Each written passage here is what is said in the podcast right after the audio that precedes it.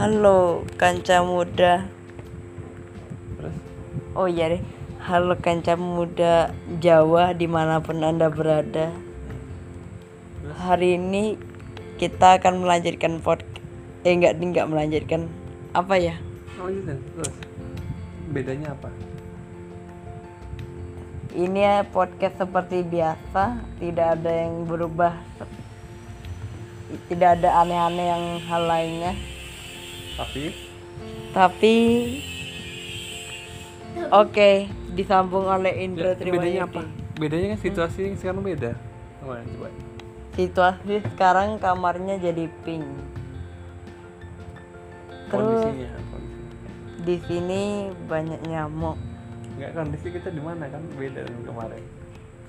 Oh iya dulu kan di Yogyakarta biasanya bikin podcast Sekarang ada di Kalimantan Barat Biasanya nggak ngaruh-ngaruh juga Lebih sih tepatnya di Di Pontianak Oke, jadi sekarang kita berada di. Kalimantan Barat karena bertepatan dengan kemarin Hari Raya Idul Fitri. Jadi kita mudik istilahnya ya mudik ya. Jadi kita mudik sudah berapa? Dua minggu mungkin ya, kayaknya dua, hampir dua minggu. Eh, masih ada satu minggu lagi. Coba bayangkan. Kita harus menunggu karena tiketnya Jangan menunggu. dapat Habiskan jadwalnya. aja waktunya biar dapatnya puas. Jadwal tanggal 6 jadi sekedar cerita perjalanan ke Kalimantan Barat ini kita menggunakan apa? Kapal. Menggunakan lewat laut kita. Jadi tidak lewat udara karena ada dua jalur cuman nggak ada yang lewat darat jadi kita harus lewat udara atau lewat laut. Angkatan kita udara. memilih lewat laut karena kenapa? Harganya lebih murah jelas. Dan kedua mungkin kalau Ada ya naik kalau kapal ayah lebih khawatir naik pesawat ya deg-degan ya jadi ayah kalau disuruh memilih walaupun naik kapal agak lama saya lebih memilih naik kapal karena naik pesawat tuh lebih apa ya? Nah, itu kayak kurang Kalau dipikir-pikir Gak usah dipikir terus kita dari Yogyakarta naik travel day trans menuju Semarang terus naik gokar atau menuju kemudian naik, Maxim menuju pelabuhan. Dari pelabuhan kita langsung langsung di pelabuhan Tanjung Mas. Pelabuhan Tanjung Mas di Semarang. Itu menuju ke pelabuhan pelabuhan apa namanya Pontianak bang? Labuan Bajo Enggak, Pontianak itu pelabuhan apa namanya? Emang ada namanya Ada kemarin namanya apa ya? Pelabuhan apa ya? Oh, Dwi Dwi Dwi Kora, pelabuhan Dwi Kora Pontianak. Iya. Pelabuhan Dwi Kora Pontianak. Ada aku Kita naik selama dua hari, satu setengah hari lah, sekitar 36 jam, kurang lebih 36 jam. Jadi kita di 48 kapal enggak 48 itu 20 ha- dua hari kita. Iya kan dua hari ya? Enggak kita 36 jam cuman. Kan kita berangkat siang. Yes. Sampai pagi. pagi subuh ya jadi belum nyampe siang. Ya tapi kan dua hari. Jadi kita naik kapal. Dan serunya di kapal itu tuh apa? Ayo cerita kamu yang Bisa media podcast ngeliat air. Terus apa lagi yang serius Banyak serius, ikan. lebih cenderung serius. Terus? Tapi kayaknya nggak banyak serunya deh apa? Yang kamu dapat nggak harus seru lah. Yang kamu dapat dari naik kapal. Karena kanan kiri ikan Terus nggak ada ikan kamu lihat aja nggak ada ikan. Yaudah kanan kiri air. Terus? Terus cuman tempatnya Ya nggak kecil sih Cuman lumayan. Tapi cuman bisa muter-muter sekitar segitu doang. Sebenarnya sih karena ini bulan Ramadan kita pulangnya itu sebelum ke sini kita tuh sebenarnya udah ada jadwal itikaf di masjid sebelah rumah nggak sebelah rumah sebelum se- masjid Maba di Kasongan. Oh. Kita sudah itikaf tiga hari tapi ini kepotong untuk berangkat naik kapal. Nah di kapal kita masih lanjut ngaji sampai di Pontianak kita hari pertama langsung itikaf langsung lanjutin itikaf di masjid Mujahidin Pontianak Masjid Raya itu itikaf di sini rame pol. Rame banget. Karena masjid sebesar itu Masjid Raya tuh kalau kamu lihat di Google aja Masjid Raya Pontianak Mujahidin itu itu luas. Dua lantai luas. Terus itu full untuk itikaf. Jadi rame banget. Itu setelah itikaf ya udah kita masih capek kan sebenarnya habis habis dari kapal kan. Tapi habis itu kita langsung selanjutnya kita di rumah. Taraweh di masjid. Terus apa lagi bang? Eh, kita kapalnya namanya kalau teman-teman mau menuju Kalimantan Barat dari Jawa itu menggunakan kapal Dharma. Dharma Kartika 7 enggak Dharma Kartika yang kita pakai kemarin. Itu Dharma Kartika itu kayaknya perusahaan swasta. Dharma tapi ada juga kapal yang punya pemerintah dari Pelni. Itu namanya kapal lawit. Enggak bisa. PM. ini hidup. Jadi kapal lawit. Namanya kapal lawit. Nah, kapal lawit ya. kapal lawit itu kapal dulu bentuk bentuknya berbeda dulu itu kotor kumuh juga penuh padat. Nah tapi Dharma Kartika bagus Dharma Kartika itu bersih. Terus walaupun orang-orangnya kadang-kadang ini juga sih tapi nggak nggak penuh tempatnya nggak penuh. Ini nggak usah tinggal single sih ya. Udah bang sudah bang kamu ngajak kamu main ngajak podcast ini ngadepnya ke sini yang ngadep sana terus apa lagi? Kamu cerita apa lagi? Belum Apa banyak pengalaman. eh cerita aja lah apa? Apa yang mau kamu ceritakan selama di sini selama perjalanan? Banyak kan? Masa nggak ada kesambah ke mana Kan masih belum makan serikaya suka yang hati. sudah di kamu pengalaman kamu aja yang sudah yang belum ngapain diceritain? Yang sudah kamu lakukan apa bang? Sa- waktu sampai kan diem di rumah. Terus besoknya hmm, apa namanya? Bersih bersih kalau nggak salah. Visi-visi apa? Ya udah setelah waktu lebaran jenguk-jenguk ngobrol-ngobrol makan-makan ya kayak biasa. Terus yang unik nah. besoknya paginya ke Sambas sekitar 6 jam atau berapa jam ya? Ke Sambas dek kan dari Kalimantan dia Pontianak dia ke Singkawang. Itu Singkawang tuh kabupaten kayak kabupaten Singkawang. Terus dari Singkawang tempat ini habis itu ke Sambas. Sambas itu kecamatan atau kabupaten ya? Kabupaten Sambas. Kabupaten Habis ya kabupaten karena menginap satu hari satu malam menginap satu malam naik kapal sampan. Tapi sebenarnya ini kalau diceritain agak ini sih. Boring. Karena nggak bisa ngelihat jadi mungkin besok nonton aja di YouTube ya kita ya. Di YouTube-nya Indra Zuhayudi coba cek aja nanti ada videonya itu perjalanan.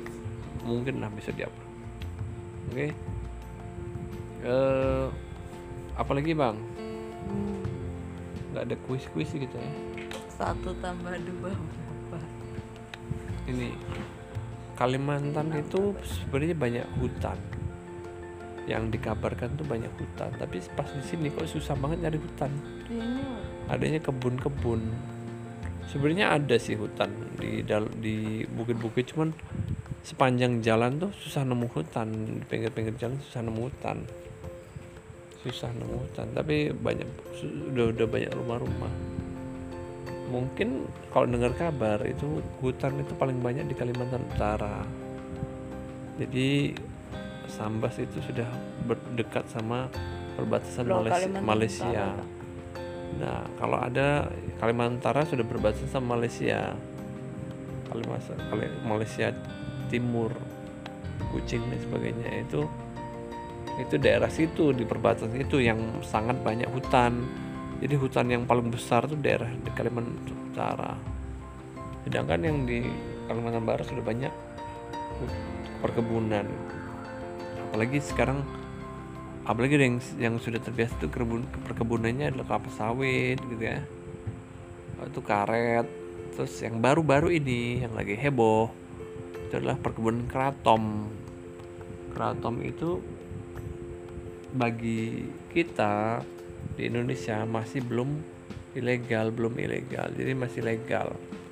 Sedangkan di luar negeri sudah ilegal keraton itu. Karena bisa digunakan untuk bahan baku untuk narkotika. Nah di Indonesia itu masih legal. Jadi ada orang masih nanam keraton berhektar-hektar dan diekspor ke negara-negara tujuan ya, narkotika jadi Waduh. beberapa kayak Amerika dan sebagainya diekspor ke sana. Dan banyak orang-orang katanya mendapatkan dari keraton miliaran.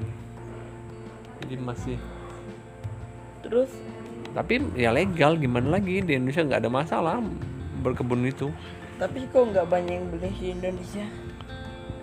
Orang Indonesia katanya kemarin ngobrol sama Bang Rudi keraton itu untuk mengkonsumsinya itu nggak sembarangan. Kalau misal dipakai untuk penyalahgunaannya itu loh. Penyalahgunaannya pun tidak sembarangan. Katanya harus melalui proses tidak sembarangan. Bukan cuma daun bukan cuma daun terus dikonsumsi nggak gitu. Karena kalau daun cuma dikonsumsi kata Bang Rudi ya Bang Rudi itu adalah apa sih? Bukan. Apoteker. Nyebutnya apa sih? Kakak ipar ya? Kakak ipar saya gitu makanya jadi dia itu seorang apa sih apoteker deh ya, dia apoteker terus kok apoteker. dia bisa tahu dia tahu berapa baca tentang keraton kalau keraton itu melalui proses melalui proses dulu yang akhirnya bisa membuat orang eh, ngefly gitu lah jadi bisa punya efek halusinasi dan sebagainya tuh katanya lebih tinggi daripada heroin katanya lebih tinggi. Nah itu efeknya tuh juga katanya tidak langsung tidak tidak daun itu langsung dikonsumsi bisa gitu. Karena itu katanya sebanyak apa pun itu nggak nggak menimbulkan efek kecuali diproses nggak tahu efek prosesnya proses apa kurang tahu. Dan itu tidak mudah. Nah, katanya tapi mungkin nanti cari info lah. Kratom itu memang sekarang masih dalam proses. Kalau kemarin sempat baca artikel sam- sampai tahun 2024 itu masih dalam proses pengkajian katanya. Nah, nanti 2024 mungkin Keraton akan dibikin aturan lagi karena di luar negeri banyak negara-negara sudah mau meng- mengklaim itu sebagai ilegal karena efek halusinasinya itu. Terus tapi anehnya lah sendiri di Amerika tuh ganja, marijuana itu legal. Di Indonesia ilegal, malah kebalik. ya Ah. sekalian semuanya aja diilegalkan Oh, gimana sih bang? kalian semuanya aja diilegalkan Oh, ini cerita lagi keren nih. Di di Amerika itu ada suatu daerah yang eh, mele- dilegalkan untuk narkotika. Jadi pemakaian narkotika itu legal di daerah Amerika di satu negara bagiannya yaitu Philadelphia. Nah, Philadelphia itu jadi tempat untuk rehabilitasi untuk pengguna narkoba. Jadi sana boleh make di satu kota itu boleh make. Jadi orang rehab itu ditaruh di sana. Tapi pemerintah mengurangi dosis pakainya. Jadi ketika dosis pakainya orang biasanya eh, sebanyak berapa gitu ya satu kali gitu. Nah ini dikurangi jadi setengah, besok dikurangi jadi seperempat. Tapi rencananya pemerintah seperti itu. Tapi ternyata kondisinya itu di sana itu mengerikan. Mereka banyak orang-orang memakai di jalanan, orang banyak memakai narkotika di pinggir-pinggir jalan udah seperti zombie mereka tuh memakai terus nah itu apakah banyak LSM LSM membagi-bagikan nasi makanan gitu untuk nolong mereka karena mereka sudah seperti zombie kalau teman-teman coba cek YouTube tentang drugs in Philadelphia itu mengerikan bang mereka di jalan-jalan udah kayak udah lemas banget udah tapi jalan nggak sempoyongan. mengganggu orang Nah, di sana tuh kri- angka kriminalitas tinggi juga ternyata. kayaknya kriminalitas normal-normal kri- aja. kriminalitas tinggi da- dari sana karena coba lihat orang-orang nggak banyak fokus Enggak, mereka tuh karena miskin ya, mis daerah miskin terus pemakai terus terus mereka mau mau minta akhirnya mereka beberapa mungkin melakukan tindakan kekerasan meminta uang minta uang gitu. Nggak tahu ya tapi katanya angka kriminalitas tinggi jangan sembarang orang di sana. Jadi sebenarnya efek melegalkan drugs itu melegalkan narkotika narkoba itu efeknya tuh mengerikan sebenarnya. Sebenarnya bagusnya memang kalau memang ada yang berbahaya itu dijadikan ilegal. Mungkin dengan dengan ini mungkin aturan ya. Mungkin tapi karena katanya ada beberapa penyakit yang bisa disembuhkan dengan ganja dan sebagainya itu itu mungkin itu pengecualian mungkin ya. Karena ada beberapa katanya kalau sakit untuk terapi atau untuk penyembuhan dengan ganja. Yang disalah yang yang yang dipermasalahkan sebenarnya penyalahgunaan kan. Makanya ada istilahnya penyalahgunaan narkoba. Narkoba itu sebenarnya narkotika dan obat-obatan kan. Ya kan? Narkoba. Narkoba itu narkotika dan obat-obatan. Drugs itu ya termasuk obat-obatan kan. Tapi penyalahgunaannya itu yang bisa parah ya. Paracetamol obat batuk aja kalau disalahgunakan bisa bahaya. Betadin kalau disalahgunakan bisa bahaya. Waduh. Ya jadi obat-obatan itu kalau disalahgunakan bisa berbahaya. Nah ini penyalahgunaannya. Efeknya bahaya. Nah tapi ya itulah tinggal regulasi. Menurut menurut tinggal regulasi sih. Dan penegakan aturan. Bagus sih di pajak akhir-akhir ini banyak yang kemarin tadi Minahasa ditangkap kepolisian nggak Eh, kenal karena- karena ada melibatkan kepolisian untuk pengedaran narkoba dan sebagainya. Hmm, tangkepin aja biar tegas. Oke itu sih mungkin pembahasan kita kan tentang tentang panjang tentang perjalanan di Kalimantan Barat. Sampai jumpa mungkin di edisi podcast selanjutnya. Dadah dulu bang. Dadah. Assalamualaikum dulu. Assalamualaikum warahmatullahi wabarakatuh. Lancar abang Ya.